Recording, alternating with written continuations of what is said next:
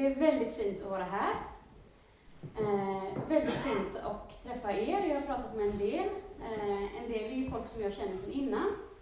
Snart förklara varför. Och en del är nya bekantskaper. Det är väldigt fint att vara här. Det är väldigt fint att få se så många familjer eh, som bara kopplar av tillsammans. Eh, och ber tillsammans och sjunger tillsammans och leker tillsammans. Jag tänker när jag ser alla de här barnen, tänker jag, det här kanske är de tryggaste barnen i Sverige. Vad fantastiskt det är. Eh, och vilken uppgift som ni har bara genom att ni finns till i era miljöer där ni är, på skolorna där barn går och eh, på era arbetsplatser. Och trygga familjer, det är så viktigt. Ja, det var punkt ett. Eh, jag heter Annie Fen. Eh, jag är snart, eller snart, jag fyller 32 i år. Eh, jag är född i London. Alltså vi kan säga så här, det här, den här kvällen kommer att vara liksom uppdelad i två då. Det blir en kort liten del som handlar om eh, mig, sådär. Så att ni får lite koll. Och sen kommer vi att gå lite djupare in på rubriken Kallad till stillhet. Eh, och ni kommer att förstå varför det, det är jag som talar om det. Om ni inte känner till det sedan innan. Eh, just det, jag är född i London. Mina föräldrar flyttade dit några månader innan jag föddes med mina tre storbröder eh, för att arbeta på Svenska Sjömanskyrkan i London, som eh, låg, de har sålt den nu tror jag. Det slog mig att min dopkyrka nog liksom försvinner i och med det, vilket är väldigt konstigt. Men så kan det hända. Jag är döpt ändå, det är fint. Eh, de flyttade dit då för att arbeta på Svenska Sjömanskyrkan i sydöstra London. Och där bodde vi i 14 år. Eh, och det var människor som kom dit. Det var sjömän och det var au pairer som var lyckliga och som var olyckliga. Och det var turister som bodde på gästhemmet. Kanske någon, någon här har bott där, det är inte så ovanligt. Ehm, ja. ehm, och där gick vi i skola och hade liksom en vanlig barndom kan man säga. Alltså, som barn tänker man inte åh, jag bor i London, utan man tänker vad ska vi göra nu? Sådär. Ehm, ja, och ehm, så jag är sjuksköterska. Vi flyttade till Göteborg. Eh, jag gick högstadiegymnasiet och landade i Sverige. Och, eh, så jag är sjuksköterska. Och eh, så är jag diakon, vigdes 2008 i Göteborgs stift. Och ehm, var två år i Buråkyrkan. Därav känner jag vissa här är väldigt fint att få, få återse er. och det var fantastiska år. Ehm, men under många års tid så har jag inombords haft någon aning om eh, kallelsens väg för mig. Eh, som är, precis som Mats sa så fint i början i vår, tycker jag, att kallelsen är inte för så många av oss, utan Gud verkar i eh, omständigheterna. Gud verkar inom ramarna, säger vissa. Alltså i det som jag, den vardag som jag blir förd till, så, så för han människor på ens väg och och tankar som kommer till en som man ibland inte alls förstår att det här är, är, är Gud som verkar, ibland är det klarare. Men, men jag har sedan, vad ska man säga, 20-årsåldern haft en aning om dels att kanske är det så att jag inte kommer att ha en familj. Och dels kanske är det så att jag kommer att leva i en större slags gemenskap. Det var inte så där tydligt för mig som jag säger det nu, eh, då, men det fanns där någonstans inombords. Och att det ena hänger ihop med det andra. Då. Eh, sen har det gått då ganska lång tid och eh, för två och ett halvt år sedan så eh, la jag ett tidsbundet löfte om ett celibatärt liv. Det här är ju mycket ovanligt och det här ska vi inte tala om så länge ikväll. Jag vill bara nämna det så att ni vet att det finns också i Svenska kyrkan, hör och häpna. eh, och för bara en månad sedan så avlade jag ett evigt löfte och det var så jätteroligt det var fantastiskt. Alltså ni förstår, ni som är gifta förstår att det är fantastiskt att gifta sig. Äntligen, tänker ni nu! Och så kände jag också, äntligen nu. Och sen så var det också en liten del av mig som kände att nu är det något som dör i mig. Och det, någonstans finns det någon liten smärta där också. Det finns en smärta som ändå har ihop med ens kallelse. Det tror jag alla känner igen. Eh, men framför allt så verkar Gud genom vår längtan. Och det är en längtan som har återkommit gång på gång i mig, att få ge mig på det sättet till Gud, eh, till tjänst för honom. Och till mina medmänniskor därmed. Och då förstod jag att man kan inte leva ensam som celibatär. Alltså man gör ju det i och med att man inte har en familj. Men vi behöver människor att bli irriterade på. Det är vårt helgelsematerial. Men det är så. Det är så. Ni förstår vad jag menar. Och det behövs också, jag behövs för andra människor så att de får helgelsematerial. Och jag är väldigt bra helgelsematerial. eh, och då var det så att jag blev, um, jag blev en klocka, känner jag nu. Det, det är så trevligt att vara här, så jag kan spåra ur. Tack så mycket.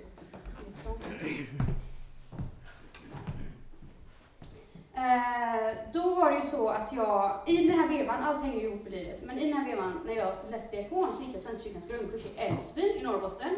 Det är en egen historia. Men där hittade jag en tidebönsbok, det som ni också har här, som är så fint. Jag var med på Vesper här innan.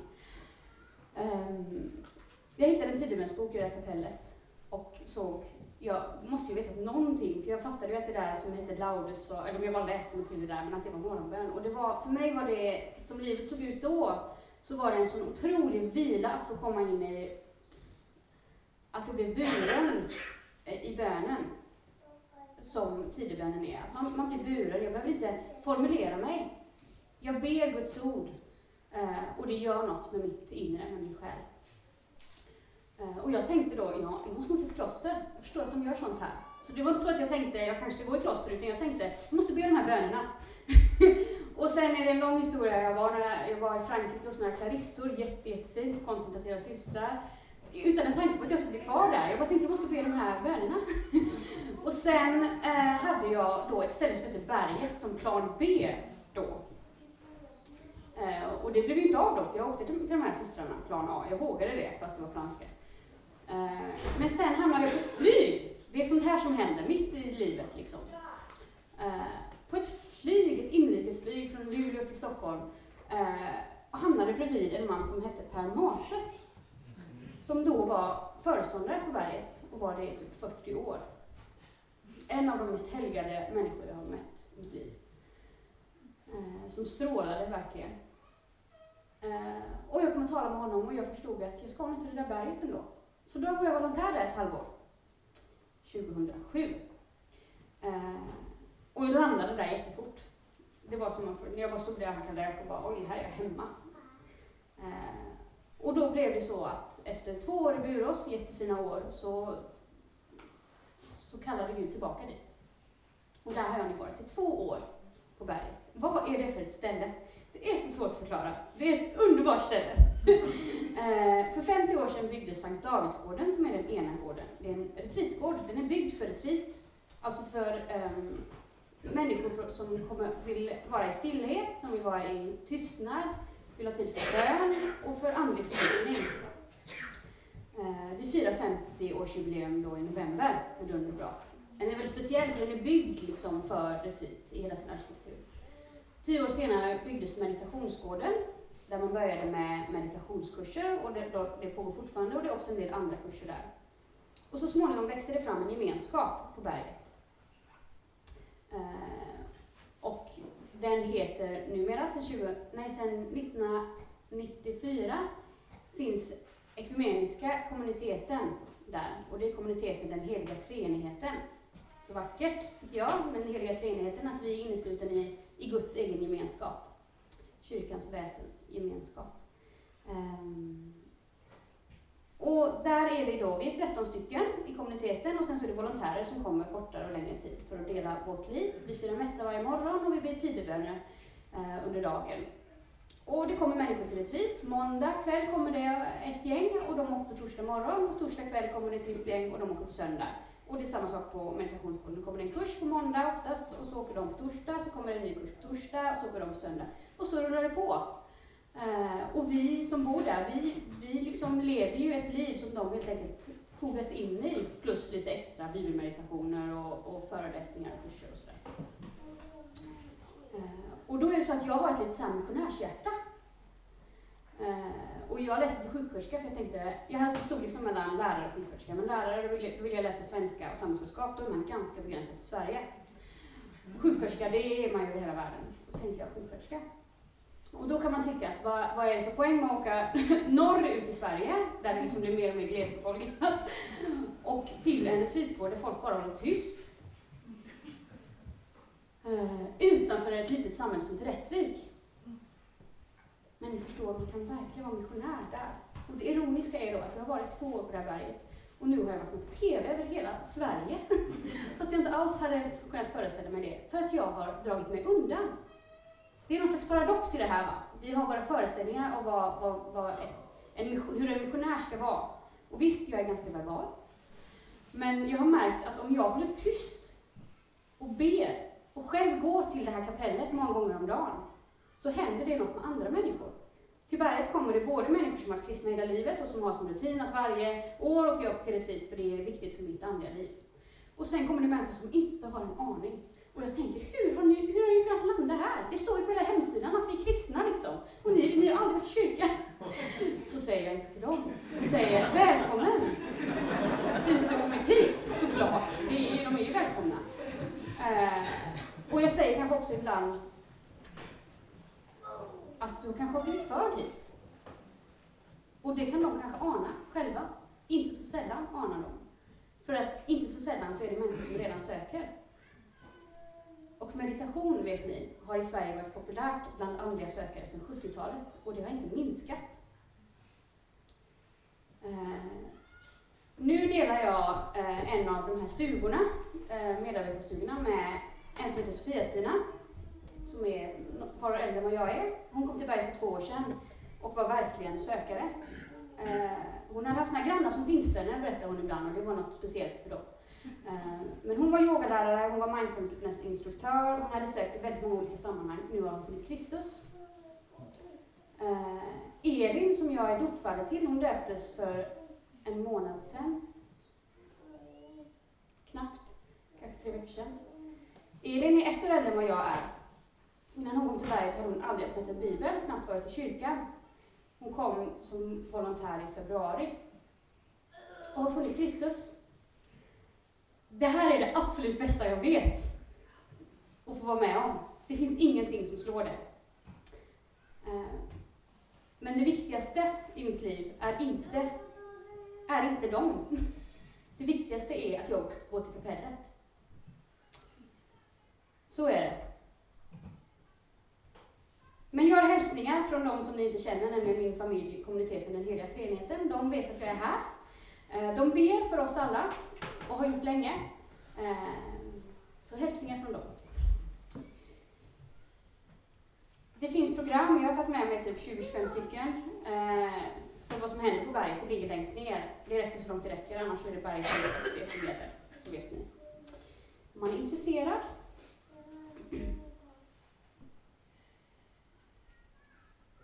kallad till stillhet. Kanske vi kan göra så att man vänder sig till någon som sitter precis nära en och tänker kallad till stillhet. Om ni inte tänker på, alltså, associera inte till mig nu, liksom, utan till er själva. Um, vad tänker jag på då? Väldigt kort. Kallad till stillhet. Varsågoda.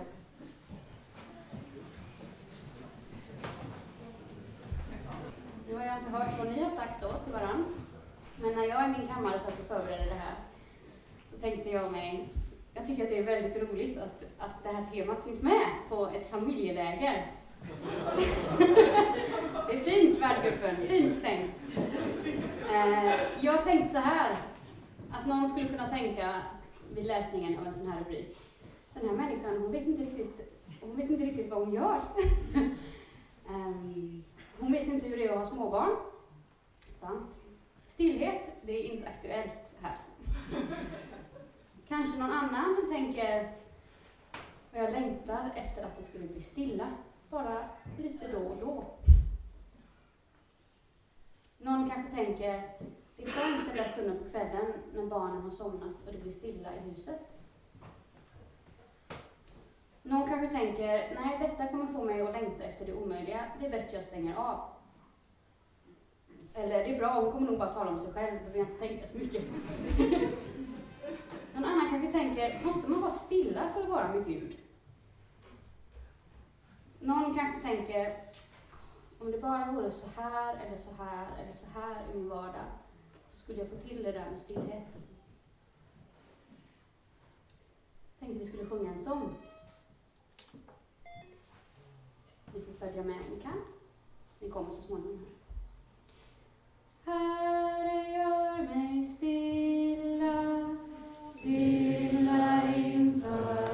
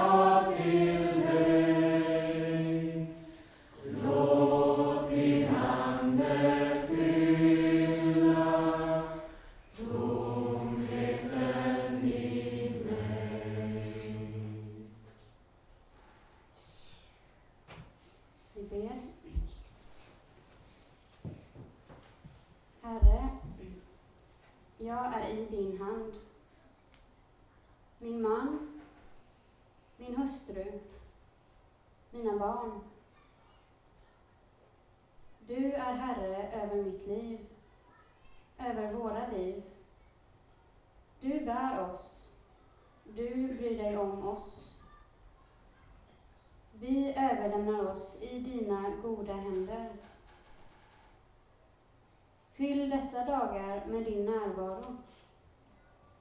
Gör oss lyhörda för din Andes röst, för Andens ledning. I Jesu namn. Amen.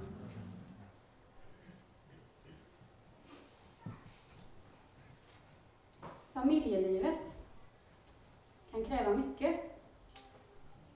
Det är många behov, mycket logistik, mycket planerande, mycket ansvar. Man kan uppleva tillvaron som något splittrad, vissa dagar kanske, kanske alla dagar.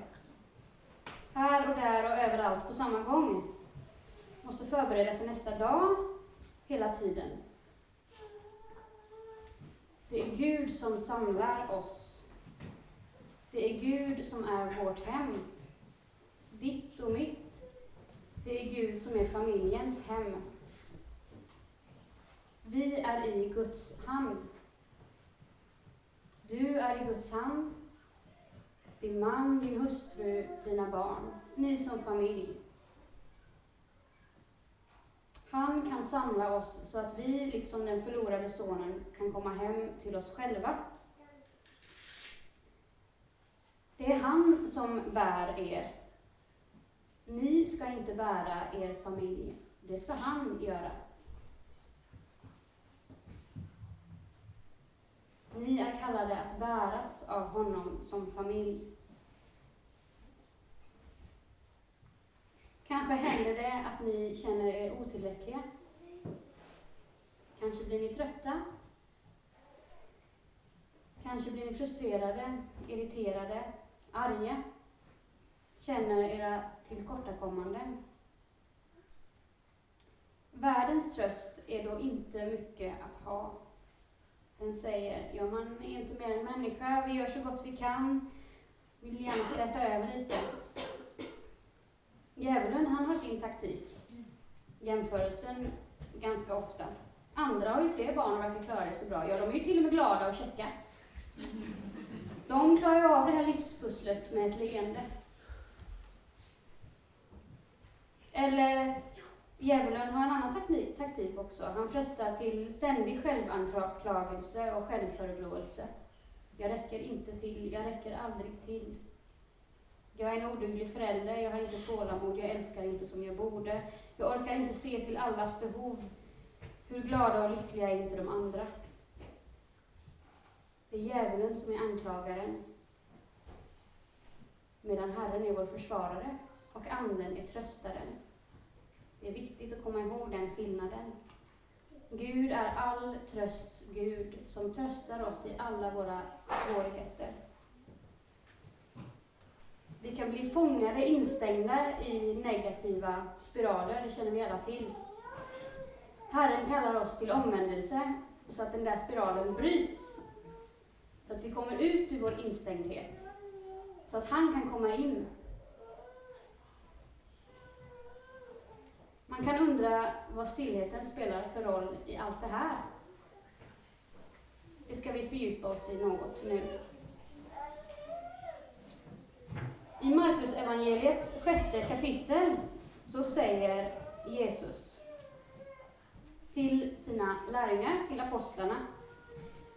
Följ med mig bort till en öde trakt så att vi får vara ensamma och ni kan vila er lite.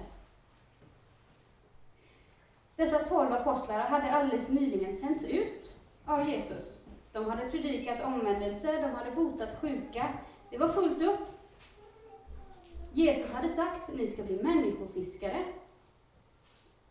Och nu berättar de för Jesus om allt som har hänt. Det står så här innan.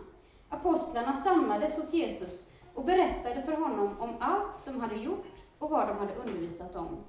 Han sa till dem, följ med mig bort till en öde trakt, så att vi får vara ensamma och ni kan vila er lite. Han skulle kunna sagt, bra jobbat, fin start. Härligt grabbar. Han skulle kunnat korrigerat lite och sagt, den gången hade det varit bättre om vi gjort lite så här.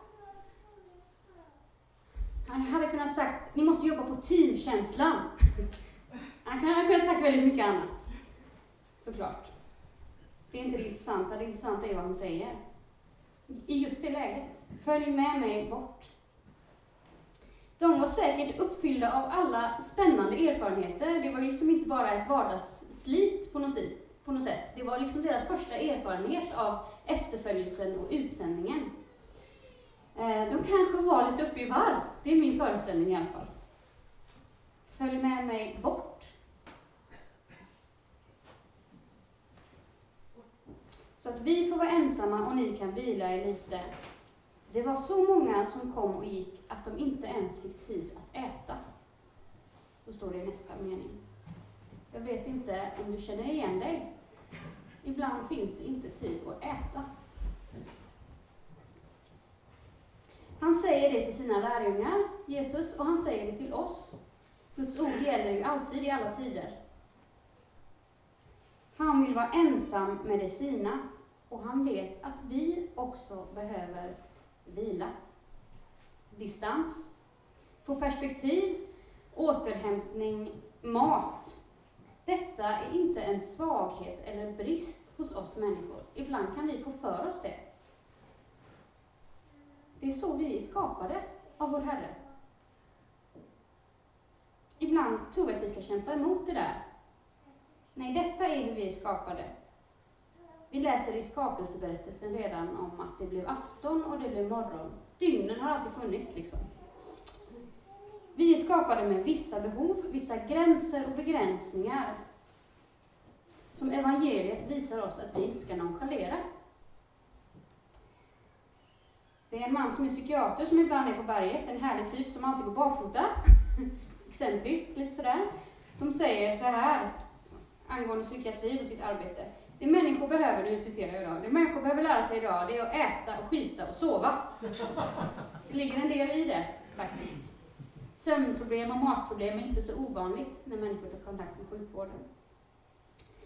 Vila behöver vi. Alla. Kanske ni allra mest som är småbarnsföräldrar. När våra gäster kommer till retreat på då Sankt Davidsgården så nämner vi dessa ord som vi har läst, Följ med mig bort. Eh, och kallar dem för retreatens instiftelseord. Herren vet att vi behöver vila. Han är mån om, ja, han ser själv till att hans lärjungar får vila. Och när vi, det här tycker jag är lite intressant, jag hörde det för ett antal år sedan, någon som undervisade om. När vi läser skapelseberättelsen så vet vi att människan skapades på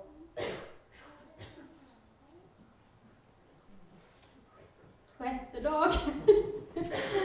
och vad hände på den sjunde dagen? Gud vilade. Alltså människans, vad man ska kalla det, första eller andra dag, är en vilodag. Och då hörde jag en hel utläggning om det här då, men det kan inte jag återge. Men alltså perspektivet av att, att, att vilan inte är liksom kör, kör, kör, kör, krascha, och så kör, kör, kör, kör, krascha, utan utgå från vilan. Vilan är starten, söndagen är veckans första dag. Det blir ett annat perspektiv. Att ta sin utgångspunkt i vilodagen, i den dag som är helgad åt Herren. Då vi hämtar andlig kraft och näring för livets alla små och stora prövningar, övningar.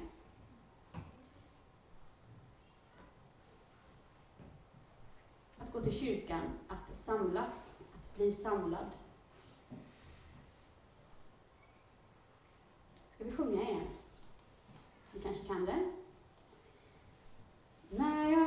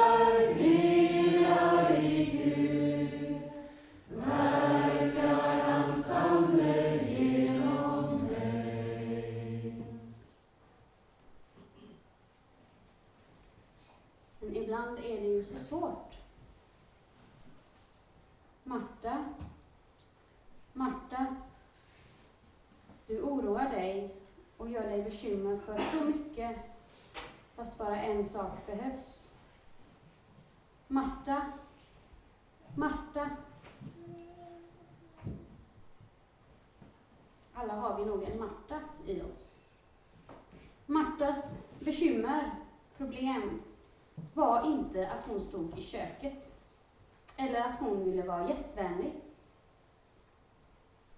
Alla måste vi stå i köket, diska, gå till tvättstugan, sköta vardagssysslorna. Det är liksom inte ett minus i Guds rike. Och liksom den stilla bönen ett plus. Det är en del av vår kallelse. Köket är ingen ofrom plats. Men Marta hade låtit det bli en ofrån plats. En plats utanför Guds närvaro och nåd. Uppgifterna blev då bekymmer istället för kallelse. Du gör dig bekymmer, Marta. Din uppgift blir bara oro och bekymmer och du går i egen kraft. Du släpper inte in honom som vill ge dig den kraft du behöver. Och det är ungefär samma sak som sker när vi, nu hoppar vi långt tillbaka, eh, till Andra Mosebok när israeliterna blir irriterade på Mose i öknen. Egyptierna tågar emot dem, de blir oroliga, de skäller på Mose. Fanns det inga gravar i Egypten? Ska vi behöva dö i öknen? Varför lät du oss inte vara i fred? Och Mose svarar, som Jesus ofta säger, var inte rädda.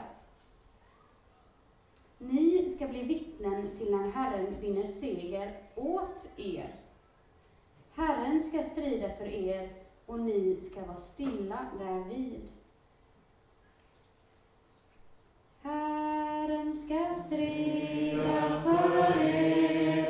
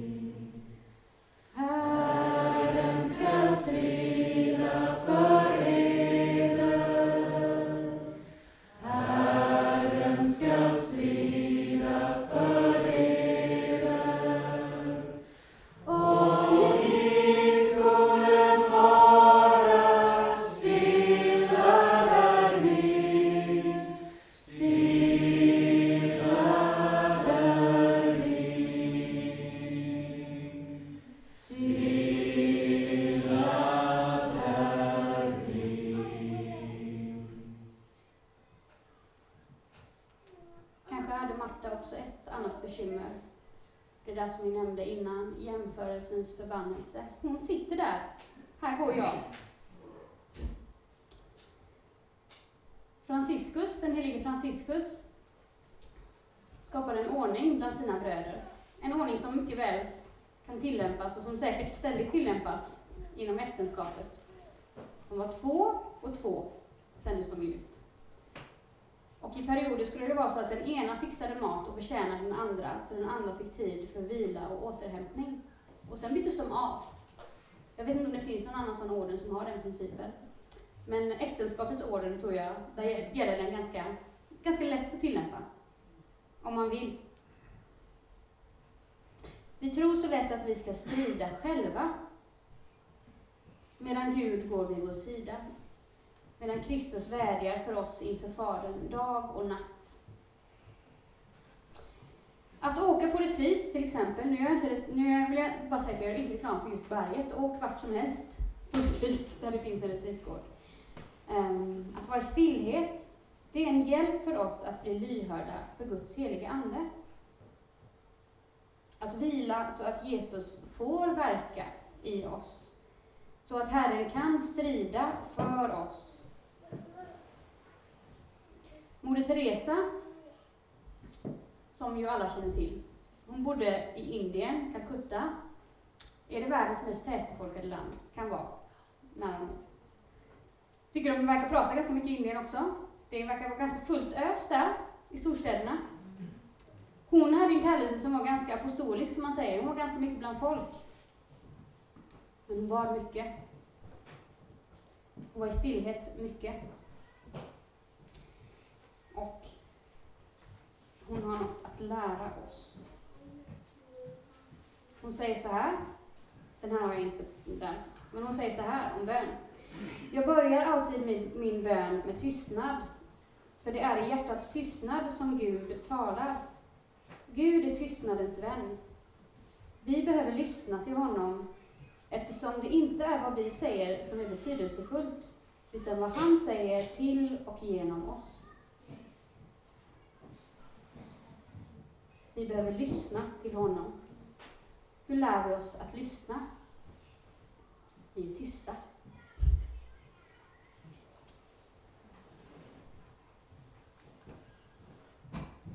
Det är stillhetens betydelse, tystnadens betydelse. Tystnad börjar bli en bristvara i vår tid. Ungefär så stod det för 50 år sedan i en tidningsartikel när Sankt Davidsgården skulle byggas. Och jag kan väl säga att det där gäller väl fortfarande, kanske ännu mer idag. Om vi gör liksom en väldigt kort tillbakablick så kan man säga att Industrialiseringen kom, folk flyttade in i storstäder, bor nära inpå varandra. Så kom radion, ehm, så kom TVn, så kom hela elektronikutvecklingen. Så kom hörlurarna, var det på 80-talet kanske med freestylen. Så kom musiken i affärerna, på kaféerna, på restaurangerna. Visst måste man säga att det låter mer och mer omkring oss. Fast vi kanske inte reagerar på det, för det är lite som den här, vad är det, grodan som kokas? Lite mer hård liknelse kanske, men, men ni förstår vad jag menar. Att det, det skruvas upp liksom. Och man får anstränga sig för att hitta platser där det är tyst. Och då är det inte så konstigt att som ett svar på det så ploppar retreatgårdarna upp lite här och var. Det måste bli tyst. Men det var faktiskt så att redan på 400-talet, innan radio, tv och allt det där, så drog människor ut i öknen från städerna, bara för att i stan är det sånt brus. Ehm, för att söka Gud. Hela liksom, klosterväsendet och klosterväckelsen började ju då. Och Jesus drog sig som bekant undan. Gång på gång läser vi om det i evangelierna. Han drog sig undan för att vara med Fadern. Han gick upp på berget för att be. Han gick upp för att vara i ensamhet. Fast han visste att det är mycket människor här. De behöver mig. Jag kan hjälpa dem. Men det viktigaste är att jag har kontakt med min fader. En av dem som 400-talet drog ut var Johannes Cassianus. Jag är väldigt förtjust i honom. Han, det finns några böcker som är översatta till svenska. Ja, nu blir det boktips, det är synd, det har varit så många. Men Det rena hjärtat, det vidgade hjärtat, hjärtats ro. Det är tre titlar. Sök på hjärtat och Cassianus så hittar ni dem på Google. Han eh, drog sig ut i öknen och sökte fördjupning i tron. Han sökte ett rent hjärta Saliga de renhjärtade, de ska se Gud, säger Jesus i saligprisningarna. Och Cassianus skriver så här, med början av ett citat från Matteusevangeliet. Herren drog sig undan till berget för att vara för sig själv och be. Därmed gav han oss en tydlig förebild. Och även, om även vi vill be till Gud med hjärtats rena och o, ursäkta, odelade hängivenhet, bör vi på liknande sätt dra oss undan allt det oväsen och all den oro som råder bland folkmassorna. Då ska Gud bli all vår kärlek, all vår längtan, all vår strävan, all vår möda, all vår tanke, allt vad vi lever, allt vad vi talar, allt vad vi andas. All den enhet som Fadern nu har med Sonen och Sonen med Fadern ska då breda ut sig över vårt sinne och vår själ så som han med en oåterkallelig kärlek älskar oss, så ska vi förenas med honom genom ett evigt och oupplösligt kärlekens band. Wow, kan det hända när man är i stillhet? Kan det hända när man drar sig undan? Men man kan undra, finns inte Gud i stan då? Är det så? Finns Gud bara i öknen? Finns bara Gud där det är liksom alldeles där folk går omkring lite så här meditativt. Absolut inte. Klart han finns i stan, han finns överallt. Han som finns överallt och verkar genom allt. Men kanske är det så att det är Herren som ser att det är vi som behöver den här stillheten. Han, han viskar i vårt öra ständigt. Han vill nå vårt hjärta. Men vi är inte hemma och vi kan inte höra. Vi behöver hjälp med det. Det är inte han som är i behov av tystnaden, utan det är jag, det är vi, som inte alltid har så lätt att höra eller känna igen hans viskningar i det stilla suset. Och jag tycker det är lite intressant, för när jag berättar för människor att jag bor på en retreatgård, så är det väldigt ofta så att någon som har någon gång varit på retreat, eller på ett kloster på något sätt, eller varit i en tyst miljö, vill gärna berätta det. Jag har varit där. Det är som att man nästan kommer ut ur garderoben. Jag var en gång där. Och det var så viktigt. Det var så viktiga dagar. Det är intressant. Och jag känner igen det i mitt eget liv att de första retreaterna jag var på allra mest, det är ju så det första man har liksom, det sätter sig särskilt, var särskilt betydelsefulla för mig. Vi behöver tid att komma till ro och som Maria sätta oss vid hans fötter.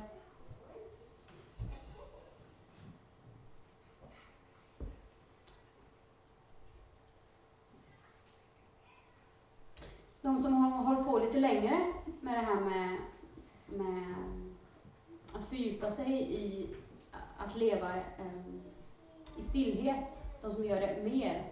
De säger så här, när vi är nybörjare på stillhetens väg så krävs en yttre stillhet. Jag behöver dra mig tillbaka, jag behöver lära mig att komma till ro, att bli stilla. Det kan ta tid, en del tar det väldigt lång tid. Och man kanske anar det redan innan man åker, att det här kommer bli skitsvårt. Ehm, men jag måste, det är viktigt.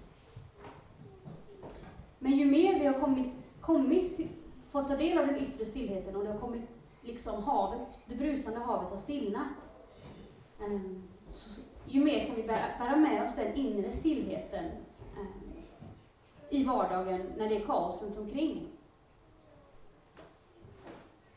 Förstår ni vad jag menar?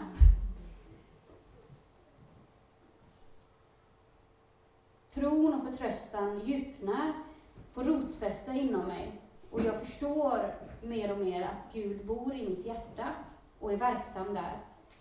Och stillheten integreras i mig och finns med mig i min vardag.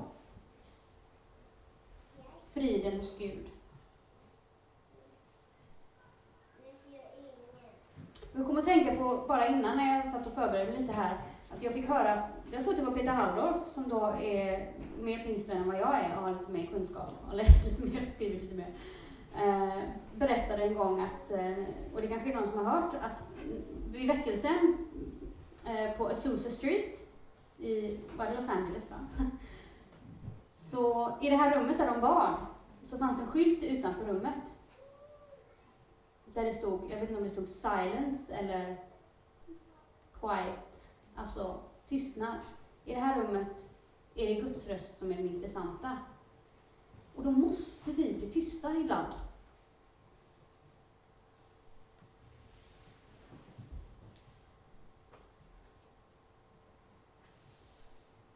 I våras så satt jag eh, med en dominikansyster som bor i Rögle kloster i, eh, i Skåne, vita systrar med svart på huvudet. Och vi delade vardagens utmaningar. Vi lever ju lite liknande liv. Ehm, och hon var så bekymrad över, över det här med att man kan bli så stressad när alla rycker i en och hon har mycket liksom en, ehm, uppgifter med, på många områden där i deras kloster och med folk som arbetstränare och med gäster som är där och andra systrar och sådär. Och jag tror att vi alla som lever i gemenskap, om det så är i, i familj med barn och så, eller om det är en annan slags gemenskap, vi, vi delar liksom samma grundläggande erfarenhet av hur ska man hur ska man få ihop allting? Och vi känner vår otillräcklighet och vår svaghet och vår frustration. Och jag tror att det är viktigt att vi ständigt påminner oss själva och varandra om att vi är på väg. Om att Jesus går vid vår sida i vår vardag. Att han vill ge oss det vi behöver för att leva i kärlek. Att hans barmhärtighet är ett hav där vår synd drunknar. Att vi får vara barmhärtiga med oss själva och med varandra. Och att svagheten, när vi, den blir uppenbar för oss, ger honom plats att verka. Att vi till och med kan tacka honom för svagheten, så att hans nåd kan få uppenbaras i våra liv.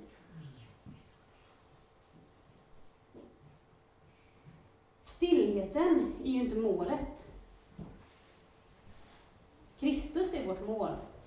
Föreningen med Gud, gemenskapen med Herren. Riktningen i tystnaden är helt avgörande. Det är inte all tystnad som är, som är god. Det finns en tryckande tystnad av att nu är det ingen som talar, för här är en djup konflikt. Det finns en otrygg tystnad. För att tystnaden och stillheten ska vara god behövs en kärleksfull miljö. En miljö som säger att du är viktig, du har en plats här. En miljö som, där man ber. Det behövs en miljö av tro och hopp och kärlek att vila i där man är älskad och bejakad. I stillheten inför Herren så kan jag lära mig att urskilja det viktiga från det oviktiga. Det rör lätt ihop sig, liksom, när jag är uppe i varv. Jag kan hitta riktningen på nytt. Jag tänker på orienteraren som har en sån här kompass. Nu har inte jag orienterat, så kanske någon kommer säga så är det inte. Men jag tror att det är så att för att orienteraren ska se liksom, åt vilket håll han eller hon springer, så måste kompassen stilla. Man måste stå still ett ögonblick. Bara, vad är nord, vad är syd, vad är öst, vad är väst? för att jag ska se åt vilket håll jag springer åt, eller vi håller på att springa åt som familj, så måste vi bara stopp. Oj, vi är på väg västerut. Det hade jag inte förstått. Om ni förstår bildspråket här. Jag tror att i det andliga livet så tar det lite längre tid än för orienteraren. Men i stillheten, när jag stannar upp och kom, ser på kompassen, så är det också så att jag kan lära mig att ge kompassen till Gud, så att säga. Jag kan lära mig att ge honom initiativ, att inte hela tiden vara den som ska liksom gå före och tro att jag ska veta vägen. Att som Moder Teresa säga, jag är tyst, för det betydelsefulla är inte vad jag har att säga, utan vad han vill säga. Hur lätt är det inte att vi själva planerar och sen ber, Herre, välsigna nu detta. Men det är inte min idé, kanske vår Herre säger. Jag tror inte att det här är bra för dig. Men vi kanske inte hör det. Den viktigaste frågan måste ju vara, vad vill du, Herre? Vad vill du? Vad är din väg för mig, för oss som familj? Hur ska vi prioritera här? När vi står inför beslut om vardagen som kommer att vara viktiga. Tystnad är inte tänkt som en tid för väntan, utan en tid av förväntan. Förväntan på Herren. Och nu närmar vi oss det lite mer praktiska. För nu sitter ni kanske här och tänker, det är fint och vackert allt det du säger, men du förstår inte riktigt hur vår vardag är. Och det är nog sant att jag inte vet det. Men jag har tänkt till lite grann. och vill ge några, eh, om man ska kalla det för tips eller sånt som jag har hört från andra också. När jag började i, i um, Buråskyrkan så började vi med församlingsvisiter där på Lärjungagården, en bit utanför Göteborg. Och då är det ett par som jag tror finns kvar där, vet jag inte, som då hade två ganska små barn. En kanske ett och en tre, något sånt där, i den höjden. Eh, och de bestämde sig på en gång för en ordning. Ena året är det min tur, andra året är det din tur. Det är ett tips. Om man känner att det är viktigt att komma iväg en helg ibland. Jag känner fler som har den ordningen, som jag har träffat nu sen jag kom till berget. Det är en kvinna som kommer varje år, som heter Margareta Nilsson. Hon är 70 år nu, hon har barnbarn och så. Men hon har nästan sedan Sankt Davidsgården byggdes kommit varje år på retreat. Och hon berättade, när vi satt vid matbordet för något år sedan, så sa hon att i början tyckte jag att det där var lite svårt, för jag kände att nu åker jag ifrån barnen och nu är jag bara egoistisk och usch, så här, så här kan man inte hålla på liksom. Men om det var andra eller tredje gången när hon kom tillbaka från en retreat så hade hennes dotter sagt till henne, Mamma, det är så bra när du åker till det där berget, du är så glad när du kommer hem.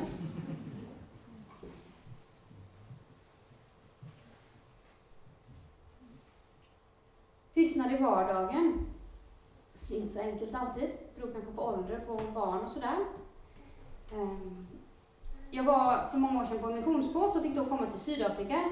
Då lärde jag mig i ett hem där jag fick bo några nätter, en fin ordning. Där gör de som det gör de nog i USA också, de håller varandra i händerna när de ska be bordsbön. Ja, så är det ett barn som säger ”jag vill inte”, men så är det ju alltid, gå ut. Men då håller de varandra i händerna. Så är de tyst lite först. Och så ber de bordsbön. Alltså de här bråkdelarna av sekunder där vi bara, vi är, vi är här, vi är tysta tillsammans. Det gör något med oss som gemenskap när vi delar den tystnaden. Och när vi hade våra familjedagar på berget för några veckor sedan så sa Leif, som var präst då, till föräldrarna i början, när vi pratade om kapellet och hur ska vi göra och vad ska vi ha för ordningar och sådär, så sa han att eh, det är klart att inte alla barnen kommer att vara helt stilla, men att ni är stilla gör något också med dem. Alltså när vi tillåter oss att varva ner och inte går upp i varv, alltså när vi kan vara en motpol liksom, ibland. Om inte kylskåpet håller på att tömmas helt, eller vad det kan vara, disken faller på marken. Um, finns det något omkring dig som kan påminna dig om Guds närvaro? en eh, kylskåpsmagnet, ett kors, en ikon som hjälper dig att se att Gud finns mitt i min vardag. Det är viktigt att fundera på ambitionsnivån. Tiden för bön kan ju inte vara densamma med en ett och treåring som med en tio och tolvåring. Var barmhärtig mot dig själv.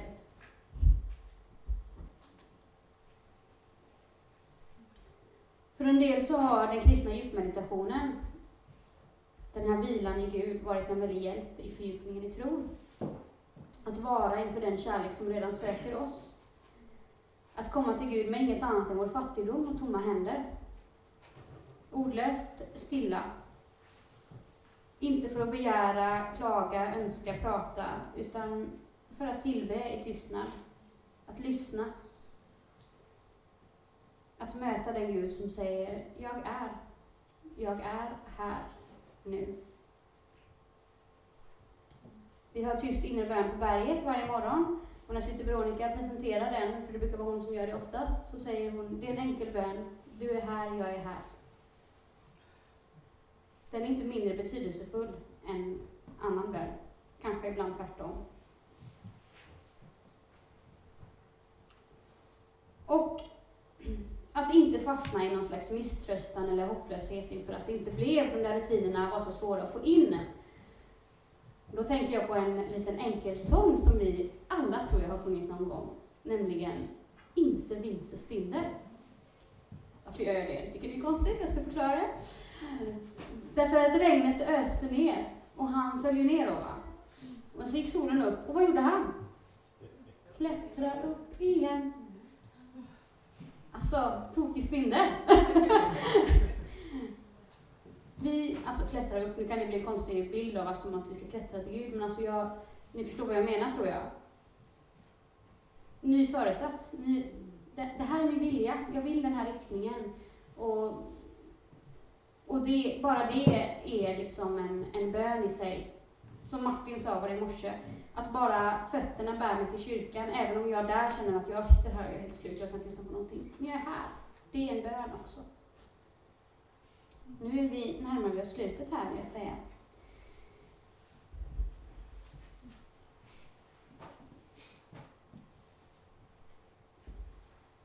I stillheten får vi hjälp att se klarare. En del saker kräver tystnad och stillhet och mycket tid i bön. Ibland handlar det om djupt behov av helande och läkedom, kanske från barndom eller från sårade relationer, brusten tillit. För att få klart för mig Guds väg just nu. För att våga se synd som jag har burit på länge och kunna bekänna den. Man vet ju inte i förväg vad som kommer upp, men ibland kan man ju liksom ana redan på förhand att det finns grejer som behöver som behöver ta i, som behöver ta tid och som det inte finns tid för i vardagen.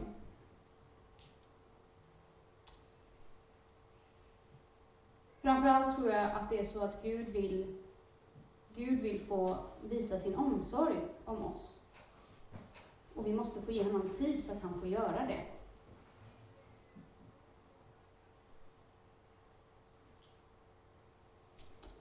Och sen är det naturligtvis så att det finns olika, det finns olika tider i livet, eh, men vi har också olika kallelser.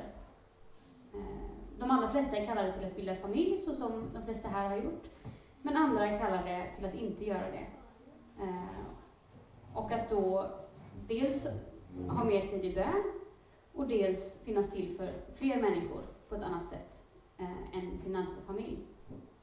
Och det är en gåva, tror jag, att vi kan komplettera varandra, att vi finns till för varandra på det sättet i kyrkan. Eh, en gåva som Gud vill att vi ska ta emot och se att Kristi kropp eh, är risk.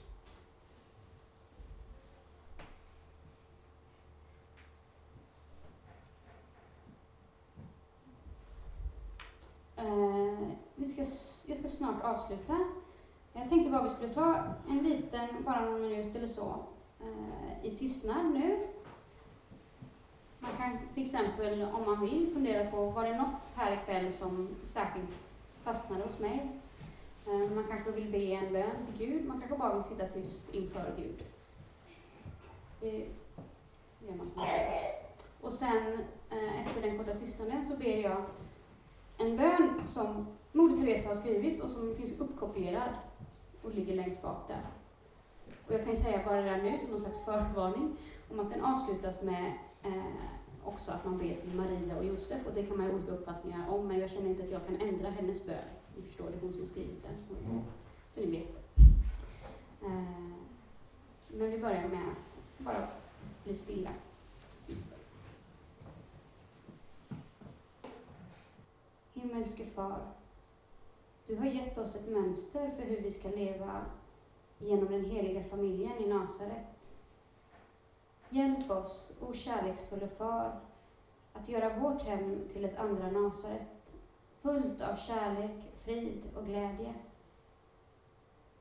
Låt det finnas utrymme hos oss för djup eftertanke, intensiv tacksamhet och vibrerande glädje. Hjälp oss att hålla ihop i glädje och sorg genom att be tillsammans som familj. Lär oss att se Jesus i var och en av oss i familjen. Och särskilt när han kommer förklädd till någon som irriterar oss. Låt Jesu tacksamma hjärta göra våra hjärtan vänliga och ödmjuka som hans. Och hjälp oss att utföra våra uppgifter inom familjen på ett heligt sätt. Hjälp oss att älska varandra som Gud älskar var och en av oss mer och mer för varje dag.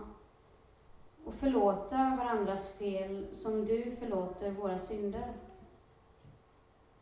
Hjälp oss, o kärleksfulle Far, att ta emot allt du ger oss och att ge allt du tar ifrån oss med ett stort leende. Maria, du rena hjärta, källa till vår glädje, bed för oss. Helige Josef, bed för oss. Heliga skyddsänglar, var alltid hos oss med ledning och beskydd. Amen. Må Gud välsigna era familjer.